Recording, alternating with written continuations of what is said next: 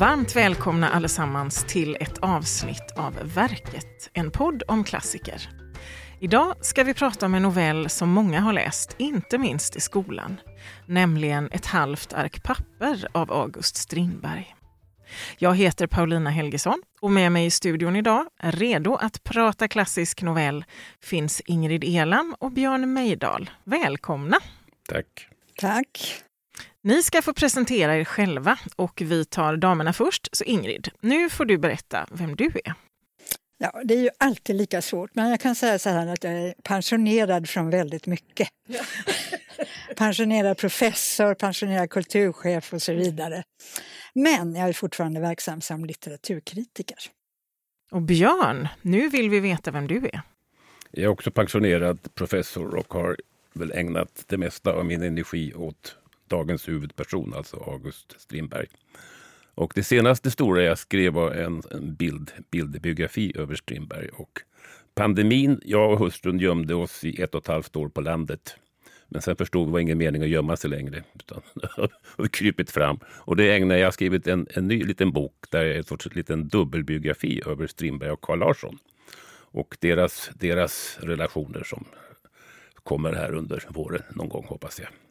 Roligt! Ja, vi är i mycket trygga händer med våra gäster.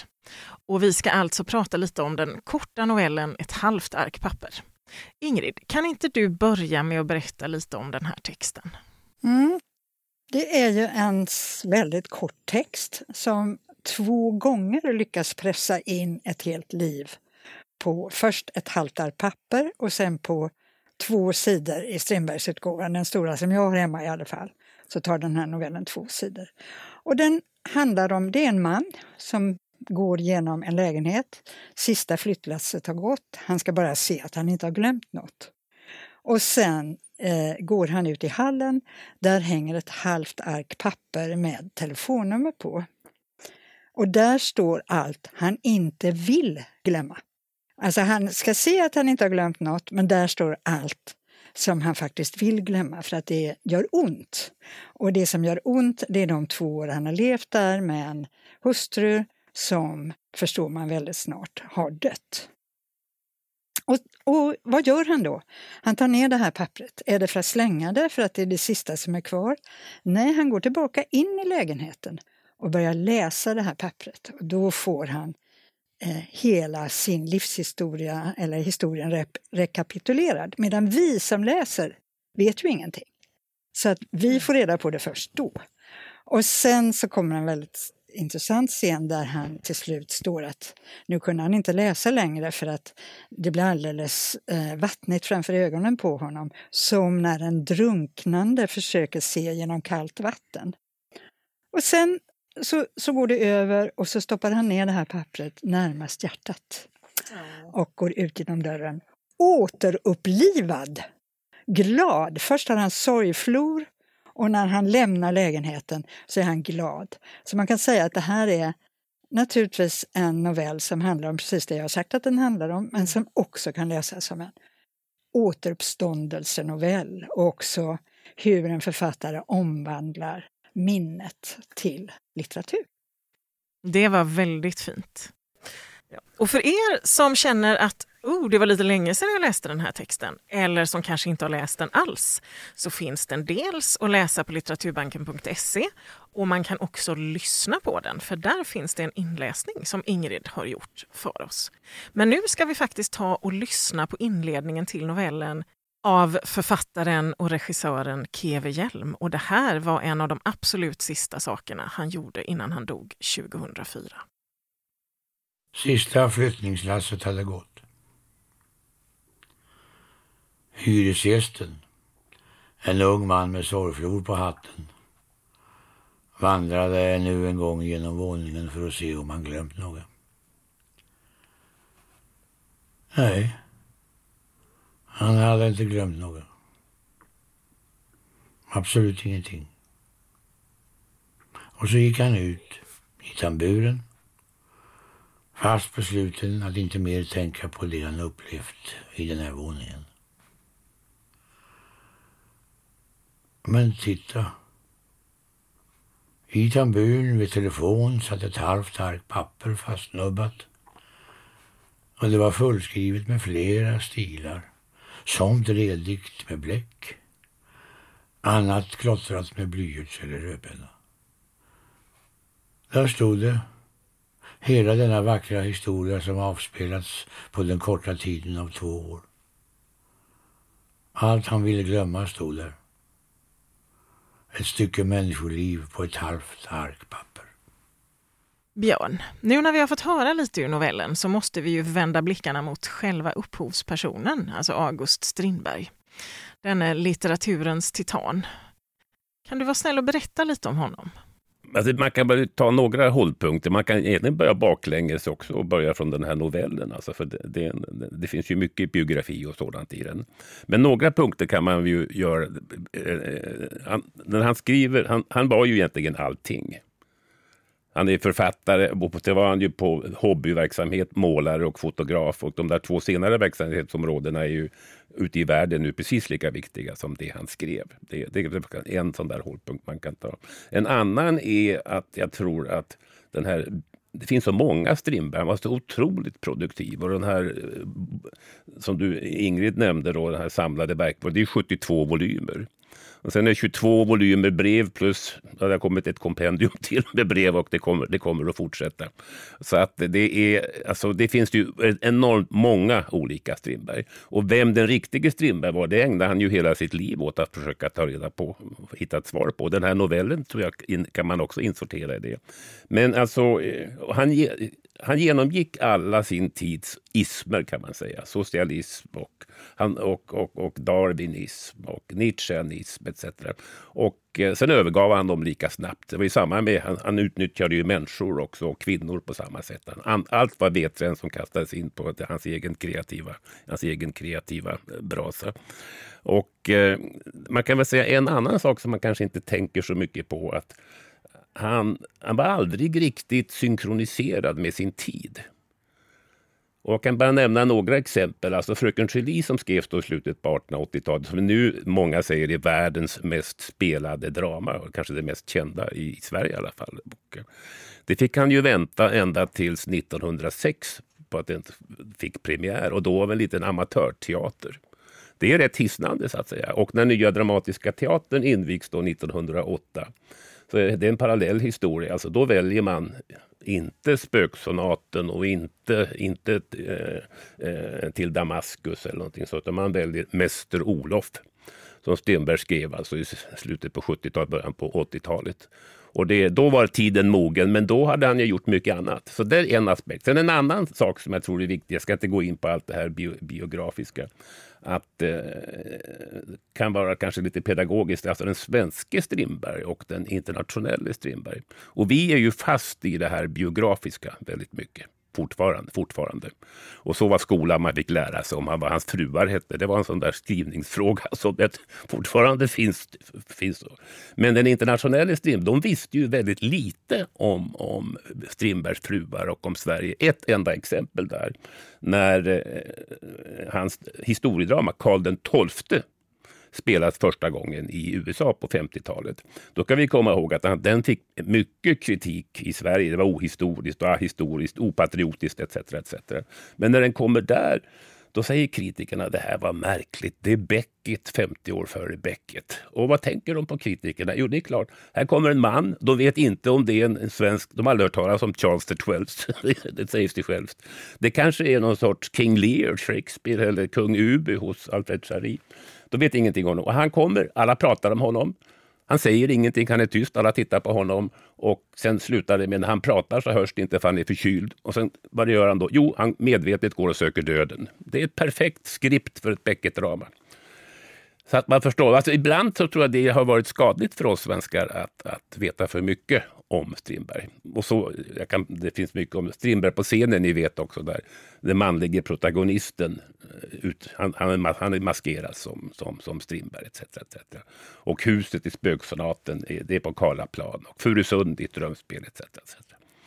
Men det, ja, han, är, han är obegripbar och jag tycker också att den här, den här lilla novellen som vi ska diskutera nu, man blir ju aldrig färdig med den. Nej, men alltså, det är ju en utmaning som du säger att prata om Strindberg som någon slags person för att det är ju helt ogripbart. Men jag tycker det var en fantastiskt bra sammanfattning vi fick här nu. Men eh, den här novellen vi ska prata om idag, eh, du sa alltså det här med Strindbergs enorma författarskap. Var någonstans befinner sig ett halvt ark papper i det här författarskapet? I stort sett halva sitt produktiva liv var han utomlands. Man kommer hem, han nosar på Sverige nerifrån Lund och sen vågar han sig upp till Stockholm. Och eh, sen plötsligt, han har inte skrivit någonting på en herrans massa år, den här så kallade infernokrisen. Plötsligt lossar allting. Och han skriver, inget, teatern hinner inte spela alla hans pjäser.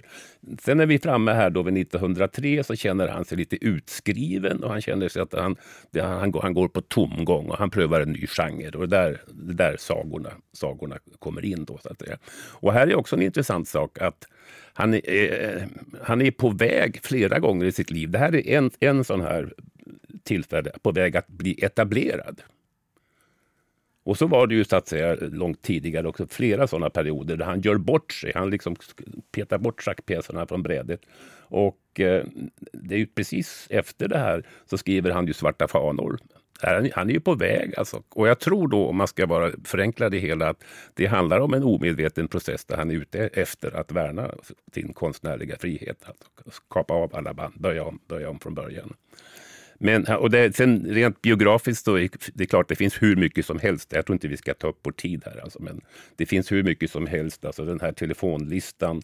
Det finns ju sådana som man nästan har skrivit av alltså, i, på, på, på, på mm. olika sätt. Och eh, han, han, använder ju också, det är ju en annan aspekt, han, han skriver ju hela sitt liv Ingrid var inne på det i sin, sin, sin ingress här också, terapeutiskt på något sätt. Det handlar, han prövar olika lösningar. Och i den här romanen så tar han ju ihjäl då den unga hustrun och den unga dottern. Det var inte första gången. Det har han gjort flera gånger tidigare. Så att, och de är ju helt nygifta här, men det, det, det, hon flyttar ju hemifrån nästan på en gång Harriet. Alltså. Och sen får hon ju barn och då är det en ganska lyckosam period. Och äktenskapet blir ju först lyckligt när, när de skiljer sig rent formellt och bor på varsin adress. Det funkar det ganska bra. Alltså. Man kan väl också säga att det, detta är nio år innan han dör. Så att eh, han, han dör 1912. Ja. Så att det är ganska sent i livet och ändå så, så... Och sen tycker jag man ändå kan nämna att han skriver de här sagorna ungefär samtidigt som han skriver den lilla betraktelsen ensam som en, mm. liten, som en underbar text. Och jag tycker lite att den här, i alla fall den här av sagorna, hänger ihop med ensam väldigt tydligt. Att, att det är en ensam man och som, som gör någonting av sin ensamhet. Ja, för det vi ska eh, slå fast här lite konkret är att den här Ett halvt ark papper, den utkommer i en större bok som heter Sagor, mm. helt enkelt, 1903. Och det är som du säger Ingrid, det här är i slutet av hans liv och författarskap helt enkelt. Um, fanns det någonting i mottagandet som kunde liksom, som, av sagor eller av den här novellen specifikt som kunde tyda på att det här skulle bli en av våra mest lästa Strindbergs noveller? Ja, det får Björn svara på, det vet inte jag. har inte kollat mottagandet av nej, just den här. Jag har gjort det faktiskt och eh, nej, det kan man inte säga. Och jag har rotat lite grann. Det finns ju till exempel, när kom den in i kanon? På den tiden vi hade kanon i skolan. Och den första antologin jag hittade är från 1919. Där kommer den in alltså. Och sen spökar den då i alla fall tills, i antologier till slutet på 50-talet. Nej, till och med 60-talet. Antologier. Men alltså, jag har aldrig... Ingrid, läste du den i skolan? Absolut. Jag, den försvann. Det var, Ingrid läste det var ju ambitiöst. Man vi är ju ändå jämnåriga. Och jag kan säga att min son som är 16, han läste ja. den i skolan förra terminen. Så att den är ju i högsta grad närvarande får man ju säga. Men jag tänkte på en sak när Björn sa att han är aldrig i sin tid, Strindberg. Mm. Så här försöker han ändå skriva i en genre ja. som hade blivit väldigt populär runt sekelskiftet. Ja, och det är ju superspännande för det här med sagor, det är inte riktigt det man förknippar med Strindberg. Men det här, kan du inte berätta lite om det Ingrid? Det här med sagorna som en under tiden då populär genre. Alltså konstsagan pratar vi om, för att det är ju inte folksaga det här. Nej. Vad är en konstsaga? Egentligen? En konstsaga är ju helt enkelt en saga som är skriven av en känd författare mm. med en känd titel. Ja. Och det är ju någonting som uppstår efter romantiken när man börjar samla på folk, anonyma folksagor. Mm. Och då skriver man också alltså alltså konstsagor. Och den mest kända är förstås i Norden H.C. Andersen.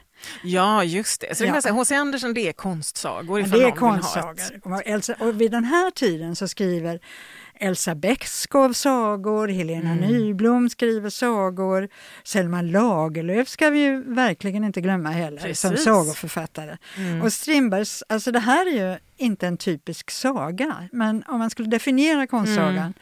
En viktig sak med det här med sagor är förstås att konstsagan är skriven för vuxna i första hand. Medan folksagorna säkert också var berättade för vuxna en gång i tiden. Men sen kom som så mycket äldre litteratur att bli något man anpassade för barn. Men sen är väl Strindberg, han är ju ganska road, eller hur Björn, du som kan verkligen Strindberg till skillnad från mig. eh, han är road av att- skriva pastischer och härma och pröva och, och experimentera med olika genrer. Alltså ibland kan det ju så att han, han, han är ju anpasslig på ett plan. Du har, jag tror du har helt rätt där. Så han anpassar sig efter en tendens i tiden. Och det såg man ju, den tidigare anpassningen han gjorde när han kom till Sverige, det var ju då historiedramatiken. Det här var ju så att säga en nypatriotisk tid i Sverige med Skansen och med allting sådant. Och, och eh, han ville också skriva det och han grep sig an. Gustav Vasa blev ju en stor succé. Men han gör ju någonting helt annat av det. Och det är samma med sagan. Alltså, det blir ju aldrig någon mekanisk utan han, han gjuter en helt annat liv. Och alla de kungar, så han vill ju bli en ny Shakespeare. Och han har skrivit om fler kungar än Shakespeare har gjort i och för sig. Men alla de här kungarna, till och med drottningen, de genomgår samma utvecklingsgång som Strindberg har gjort. Alltså det, det är liksom långt borta från någon sorts... Han gjuter nytt och annorlunda liv i den. Men-. Jag tänker om vi går tillbaka till den här Ett halvt ark papper, som verkligen är en liten kortis får man ju säga. Eh, varför, Ingrid, har just den här novellen blivit så läst och antologianvänd och skolanvänd? Alltså ett skäl är ju att den är kort. Jag råkade hitta eh, en text som bara finns i sån här stencilerad, det heter inte stencilerad utan såna här gamla fotokopior som man tryckte förr i Mm. tiden i, i stora A4-format. Råkade jag hitta en festskrift där eh, litteraturvetaren Beata Grell har skrivit över 30 sidor om den här novellen. Så att hon har lyckats få ut Ja. över 30 sidor där hon liksom läser den här novellen efter en mall. Men samtidigt så är hon ju en känslig läsare. Så hon ser eh, eh, motsättningarna i texten. Hon ser liksom det här med att, att vilja glömma och att, att, att inte vilja glömma. Och också, hon ser ett återuppståndelsemotiv, hon ser ett religiöst motiv, hon ser också ett, ett metamotiv. Alltså det här handlar om författarskap och så. Så att jag tycker hon får ut eh, ganska mycket om man, om man hoppar över en del av, av Ja. de mer intrikata. Apparaten. Ja. Ja.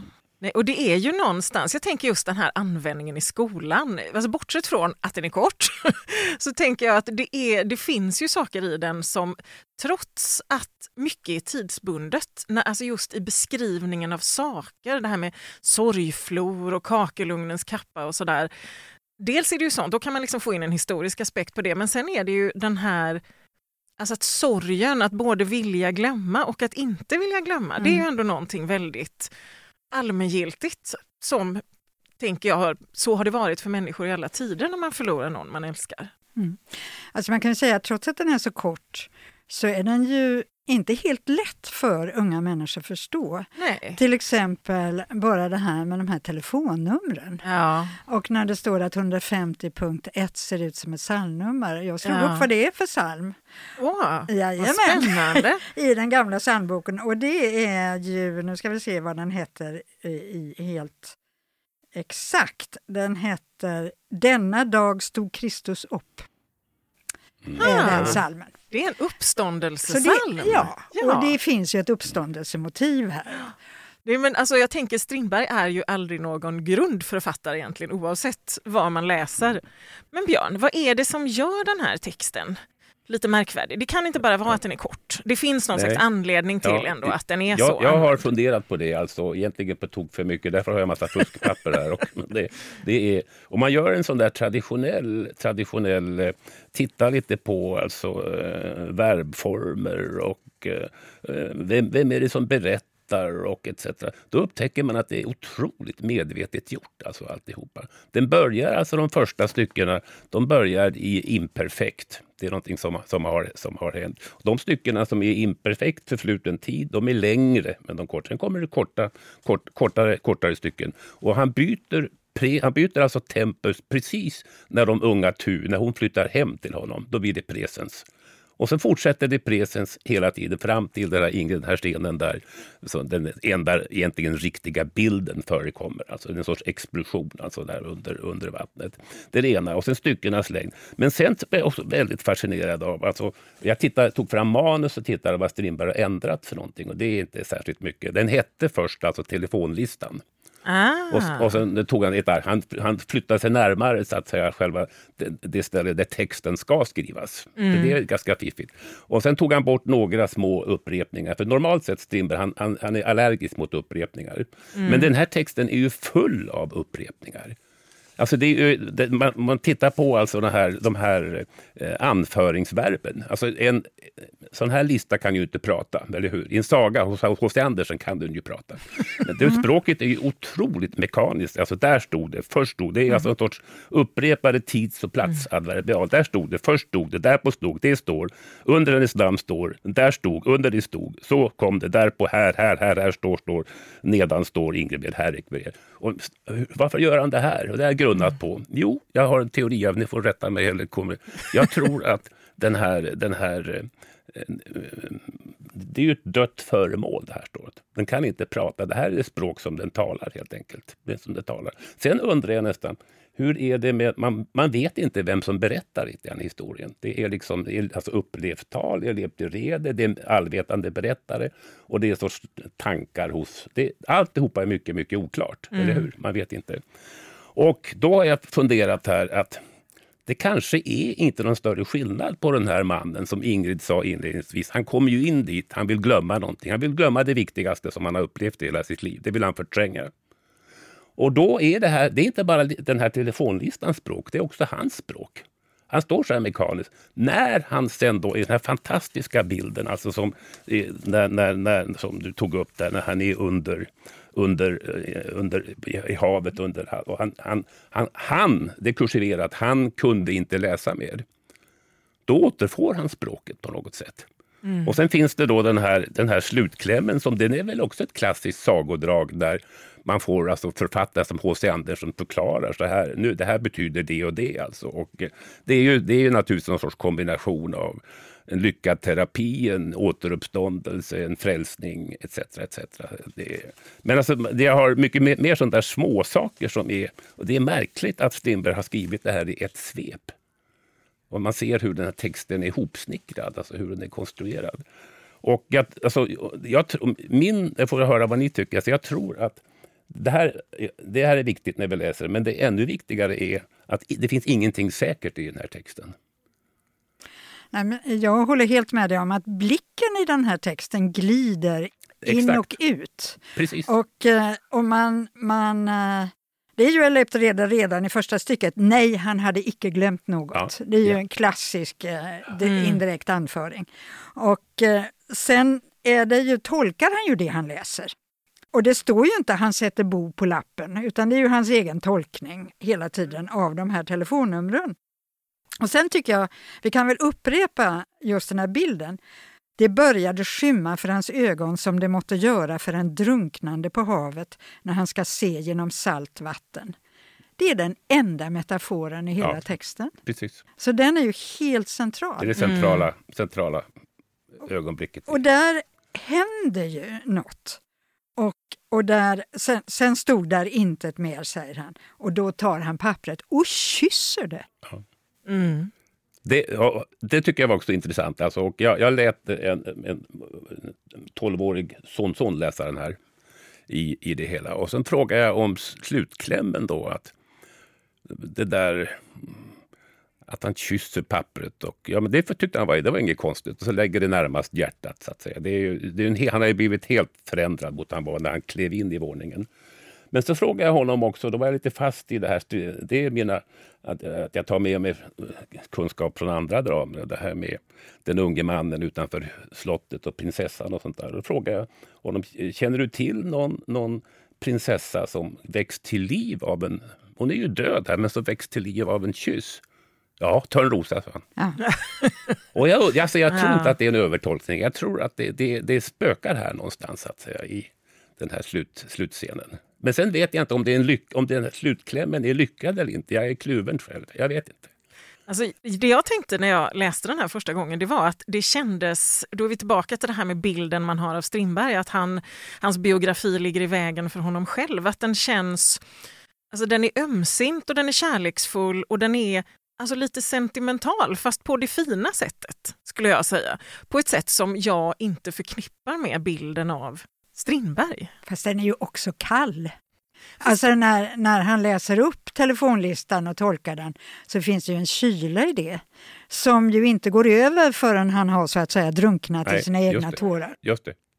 Men då är det nog egentligen slutet jag tänker på att det stannar kvar. Alltså den här väldigt korta genomgången leder till den här sortens... Ja. För det är ju en väldigt, vad ska man säga, det här med att kyssa pappret och stoppa det närmast hjärtat. Det är en så ja. oerhört traditionell, ja. alltså romantisk ja. gest verkligen. Men Björn, jag har en fråga till den här. Alltså, yep. Jag vill inte att vi ska, för min egen del är jag inte så mån om att drunkna i det biografiska, för jag har förstås också läst på om ja. Harriet Bosse och hans ja, svåger och hans bror och allt möjligt. Men däremot den här vännen som är tvungen att lämna och som är struken från listan. Det är en av de få sakerna på listan som inte leder någon vart. Nej, det är sant. Jag har, jag har grundat på det också. Du har också grundat på det? Ja. För, måste vi, ja, jag ska bara säga för ordningens skull, det är alltså ett, ett, han, han berättar i, eller ja, novellen berättar att det finns ett nummer till en vän som har varit tvungen att lämna landet, är det så? Ja. ja. Och, det, och det, allt annat leder någon vart eller, ja. eller ingår i berättelsen om frun och barnet ja. och alla som kommer och sådär. Men just den här vännen, varför, varför var han... Det... Alltså det, det enda man kan fantisera lite grann om, att det kommer ju på slutet då att det här är inte förunnat alla, den här stora lyckan som den Nej, här unge mannen Inte vännen till exempel. Och det här kanske är någon sorts, eh, det, det, det är en motsats alltså. Det här är en, man, en, en annan man som har varit god vän i familjen och han har ju säkert han har, han har gjort något kriminellt eller något sådant och mm. rest till Amerika. Det gjorde man ju på den tiden. och att det är, det är ett sorts uh, antites. Jag vet inte, det är bara en gissning. Eller också jag, det... jag, tycker, jag, jag, jag hoppade också till när jag läste det. Ja, och jag har letat och mm. sett är det någon som har kommenterat vem den här vännen är. För allt annat finns det naturligtvis ja, det knappologiska. Ja. ja. Men, men inte det här. Men, men sen kan man ju säga att det rent allmänt ju handlar om att det här är eh, tiden då de personliga konkurserna ägde rum. Alltså det fanns inte aktiebolag på det viset utan gick man i konkurs var man tvungen att lämna mm. och gjorde man oegentligheter så, jag menar, mm. Då var det kört. Det behövde inte vara giftmord ja. för att man var körd. nej, nej alltså det, det, det, det, var ju en personlig katastrof och en moralisk katastrof, konkursen. Idag är det ju en, en bokföringsteknisk historia. Precis. Kanske svår att... Men, men sen Strindbergs finns... pappa hade gjort konkurs, han hade själv gjort konkurs och etc. etc. Precis. Något sånt hade han gjort. Det finns ett stycke i den här, eh, i den här eh, texten som jag tycker är fantastiskt. Det är när han, eh, det är liksom numret till Operans biljettkontor och det står att de går på Operan om söndagarna. Då är det presens, då minns han ju vad de mm. brukade göra. Och så står det deras bästa stunder då de själva sitter tysta. Ja. Precis. Ja. Alltså där anar man att det där äktenskapet inte har varit helt harmoniskt. Nej. Och så just det här när han skriver också, de möts, när de sitter där tysta så möts de på andra sidan ridån. Andra sidan, ja. Samtidigt finns det ju ett sånt här ett, ett, ett, ett, ett väldigt ordentligt metaperspektiv som handlar om hur alltså en författare eller en konstnär skapar. Och det, om man läser med de glasögonen så kan man ju se då att då finns det ju, det finns ju liksom allt möjligt där. Det är skrivet som ett litet miniatyrdrama. Det har funnits en, någon har försett den här, den här eh, unge mannen med ett sorgflor. Strindberg var mycket noga med hur folk var klädda och sådana saker. Då förstår alla, eller på den tiden förstod alla att han, han var i sorg.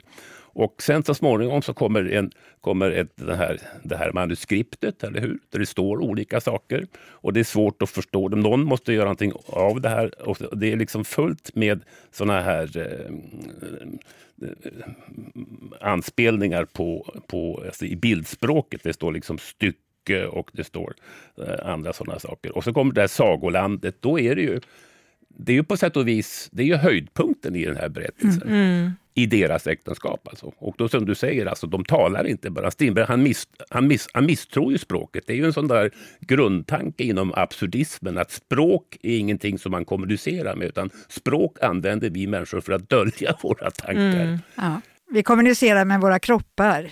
Och, ja, det, det, och, våra och då, gester. Då, då, är det lika bra att vara tyst. Alltså. Och det, det, är faktiskt, det, är också, det där är ju lika vackert och poetiskt som den här, slut, den här slutklämmen, eller hur? Det här, när de är, när de är mm. på operan. Men det, det är ju som kinesiska askar, för det här halva arket papper är ju utkastet till den novell vi läser. Precis. Han är dessutom noga med att tala om att det är ett konceptpapper. Ja. Ett gult till och med. Ja. Ett gult konceptpapper. Ja, det har forskarna tagit reda på. Det var inte lika dyrt att köpa som det här fina pappret som man använder. Men hur slutar novellen egentligen och vad, vad säger det här slutet? Ja, efter kyssen och pappret i, mm. i, mot hjärtat så går han ju ut ur mm. lägenheten, mm. stolt och lycklig och högrest och säger till sig själv att han ju har ägt det skönaste. Mm. Och då kan man ju fundera över vad är det skönaste? Det skönaste, det är väldigt precis. Ja. Och eh, jag har funderat mycket över det och jag tror att det han har ägt det är den återupplevelsen som han ju gör. Han går för att glömma mm. och för att se till att han ingenting glömt. Inga, ja. inga spår finns kvar. Ja. Han hittar ett spår, det här konceptpappret, och återupplever någonting genom att läsa igenom det. Och det, det, det är själva återupplevelsen, för att i grund och botten tror jag att det handlar om att han är författare. Han är en skapande konstnär och han återanvänder det här minnet och det som det förflutna. Det är inte det förflutna i sig, det är inte frun i sig, utan det är att han har återupplevt det. Det är ju jättespännande. Vad säger du om det, Björn? Ja, jag håller helt, instämmer helt och hållet. Och att det, det verb som anförs här, det är han kände. Mm. Mm. Han har ju varit lika mycket sån här kulsprute staccato mm, intellektuell som det här pappret tidigare i berättelsen. Men efter, här har det hänt någonting så att säga. Och man, det hela slutstycket, jag tror också om man fortsätter det här metaperspektivet, det är ju en helt annan auktoritet i det här slutstycket än i någon annan. Här sägs det ju saker, så här är det. Tidigare har det varit, allt har varit oklart. Så att säga. Det var, hela berättelsen är en process. Och det här, ur metaperspektivet så är det väl regissören som kommer med sin tolkning här. Så att säga. Så här ska ni sätta upp pjäsen. Alltså, så här, så här tycker jag att ni ska göra. Alltså, och, eh, sätt igång bara. Och sen om det här är, alltså, handlar om psykologi och terapi eller psykoanalys eller om det är religiös omvändelse. Allt det där tror jag bara är bildspråk, precis som Ingrid säger, för den konstnärliga skapelsen som, som, som, som sker här. Alltså, det är konsten kläs i religiöst. Samma med psalmnumret naturligtvis. Mm. Det, det, är konst. Så det, där är det så... Det är mätta-mätta, så att det står...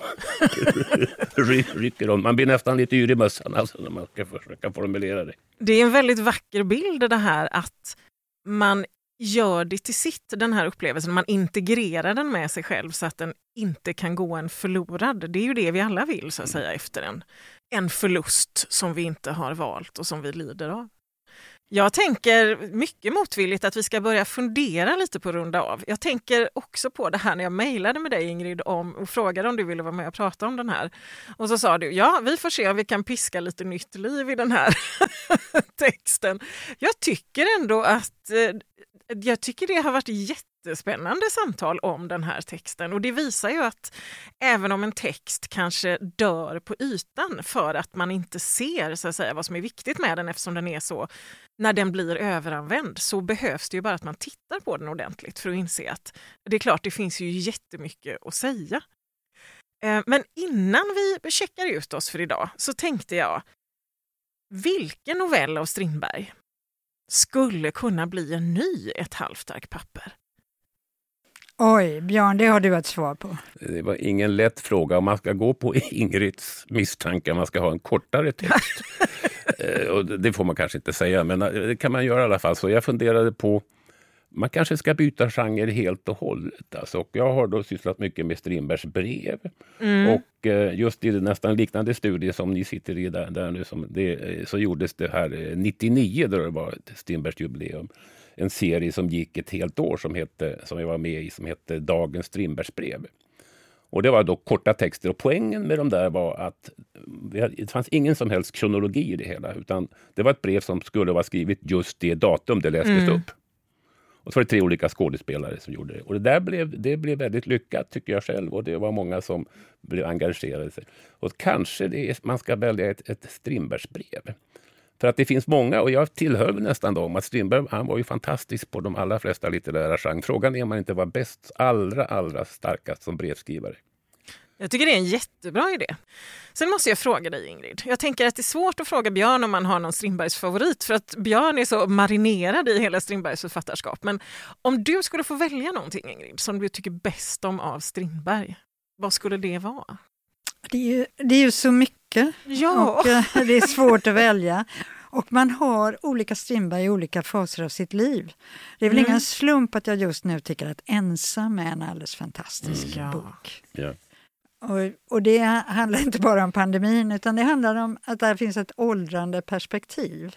Mm. Alltså vad finns kvar av livet och hur kan man, hur kan man liksom leva med mm. ensamheten och hur, hur förändrar det konsten och så. Sen är jag ju väldigt förtjust i, i drömspelet förstås. Mm. Det, är, så, det är en outsinlig text tycker jag. Mm. Även som text, alltså oavsett om man sätter upp den eller inte. Det finns en liten passus, jag tittade också lite på ensam här i sammanhanget, och en liten passus som eh, det står där då hur hans den här biografisk litterära byggstenstekniken Strindberg använder. Och det kanske man har glädje av när man åldras eller är på väg att åldras också. Ett litet tips alltså. Och han talar om de här byggstenarna och dessa kan jag behandla som bitarna i en bygglåda. Alltså man blir ju lite barn på mm. nytt också så att cirkeln är sluten. Med dem kan jag sätta ihop alla slags och samma minne kan tjäna till allt möjligt i en fantasibyggnad. Vända olikfärgade sidor uppåt och som antalet sammanställningar är oändligt får jag under mina lekar ett intryck av oändligheten. Det är väl ett tips man kan ta med sig. Det var jättefint och det här var ur ensam. Ja, precis. Ja. Och det är ju så här att allt av Strindberg och nästan lite till finns ju att läsa på litteraturbanken.se. Alla de samlade verken men även manuskript och det finns hur mycket som helst att läsa och upptäcka. Så att jag rekommenderar alla er som har blivit lite extra nyfikna eller peppa på Strindberg idag, gå till litteraturbanken.se och vandra vidare i Strindbergsvärlden. Och nu måste vi, som sagt motvilligt, men ändå runda av. Och jag säger ett stort tack till er, Ingrid och Björn, för att ni har varit med och pratat ett halvt papper idag. Tack så mycket för att vi fick vara med. Mm, jag instämmer och det här var ju bara en kort, som alla förstår, en kort ingress till. Vi måste få mycket mer tid nästa gång. Alltså. Ja. vi har bara nosat på den här lilla novellen. Jag tycker vi satsar på mer Strindbergs tid nästa gång. Och det är ju faktiskt 110 år sedan han dog i år. Ska vi komma ihåg. Han har, ett, han har ett jubileum i år. Och jag säger också ett stort tack till er alla som har varit med och lyssnat. Och vi avslutar med att lyssna på Keve Hjelm som läser några rader ur novellens slut. Tack för oss. Det som sen följde kunde han inte läsa. För det började skymma för hans ögon som det måste göra för en drunknande på havet när han ska se igenom salt vatten. Men där stod begravningsbyrån. Det talar ju nog. En större och en mindre. Underförstått kista. Och i parentes var skrivet av stoft. Sen stod där inget mer. Stoft slutade det med och det gör det. Men han tog solpappret, kysste det och lade det i sin bröstficka. På två minuter hade han genomlevt två år av sitt liv. Han var inte böjd när han gick ut. Han bar tvärtom sitt huvud högt. Som en lycklig och stolt människa. För han kände att han ändå ägt det skönaste. Hur många arma som aldrig fått det.